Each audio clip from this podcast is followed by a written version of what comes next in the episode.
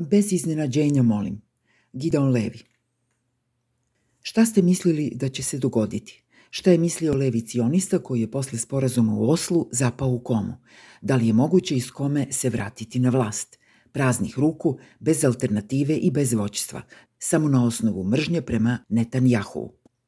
Jer osim toga nisu imali šta drugo da ponude biračima. Niko ne može da bude iznenađen onim što se dogodilo. Nije moglo biti drugačije – Počelo je sa okupacijom, izvinite na ovom ritualnom iritantnom podsjećanju, ali tamo je počelo i moralo je da se završi rasističkom vladom i pričom o transferu stanovništva. 50 godina huškanja protiv palestinaca i zastrašivanja nije se moglo završiti vladom koja želi mir. 50 godina podrške okupacionom projektu od strane gotovo svih Izraelaca, levih cionista i desničara moralo je da se završi sa ekstremistom Itamarom Ben Gvirom kao narodnim herojem. Nema večne okupacije bez urušavanja društva i vlade kakvu sada prave Netanjahu i Ben Gvir. Kada već imamo okupaciju, onda je moramo priznati bez stida, pretvaranja i zamuckivanja, a upravo to čini Ben Gvir. Ovo je kraj iluzije o jevrojskoj demokratskoj državi, o prosvetiteljskoj i privremenoj okupaciji i ostalim izmišljotinama iz našeg sumornog repertoara. Kucnu je čas istine, a Netanjahu i Ben Gvir će nam je reći. Izrael se probudio u prvom danu nove ere. Od sada o okupaciji govorimo bez lažnog milosrđa i priznajemo jevrijsku nadmoć u Izraelu. Sionizam prelazi na sledeći nivo neprikrivenog rasizma. Nema više zelene linije. Okupacija je ovde, svuda. Onaj ko je mislio da strahote iz naselja Jickar na zapadnoj obali ostaju u Jickaru se gorko vara.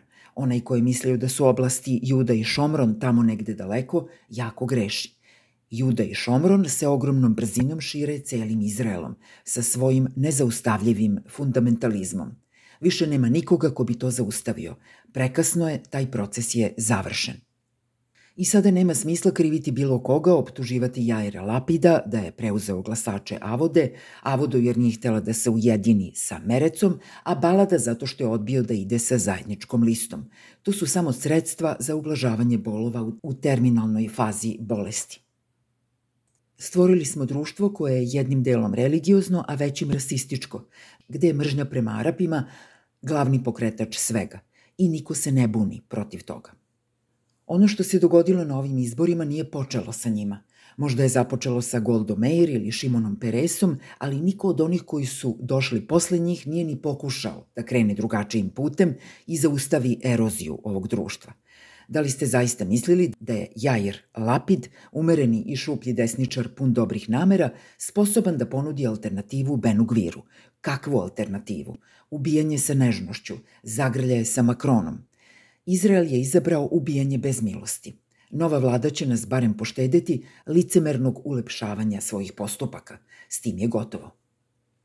Izraelska levica i centar bez pravca, voćstva i hrabrosti lutaju godinama u očajnom pokušaju da se približe desnici i da joj se umile. To je moralo da se završi nacionalističkim stavovima Bena Gvira i ultraortodoksne partije Šas. Nije moglo biti drugačije.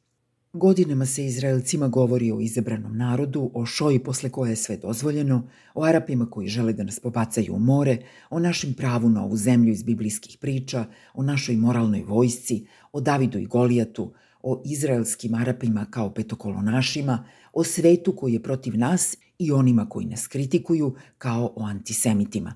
I šta smo mislili da iz toga može da se rodi? Dolazak Ben Gvira se čak otegao, trebalo je da stigne ranije – Tako je to kada imamo Bolsonara, a nemamo Lulu. Tako je to kada nasuprot uzvicima smrt Arapima koji odjekuju i po našim školama, nema nikoga da uzvikne sloboda Arapima. Završava se tamo gde je i počelo.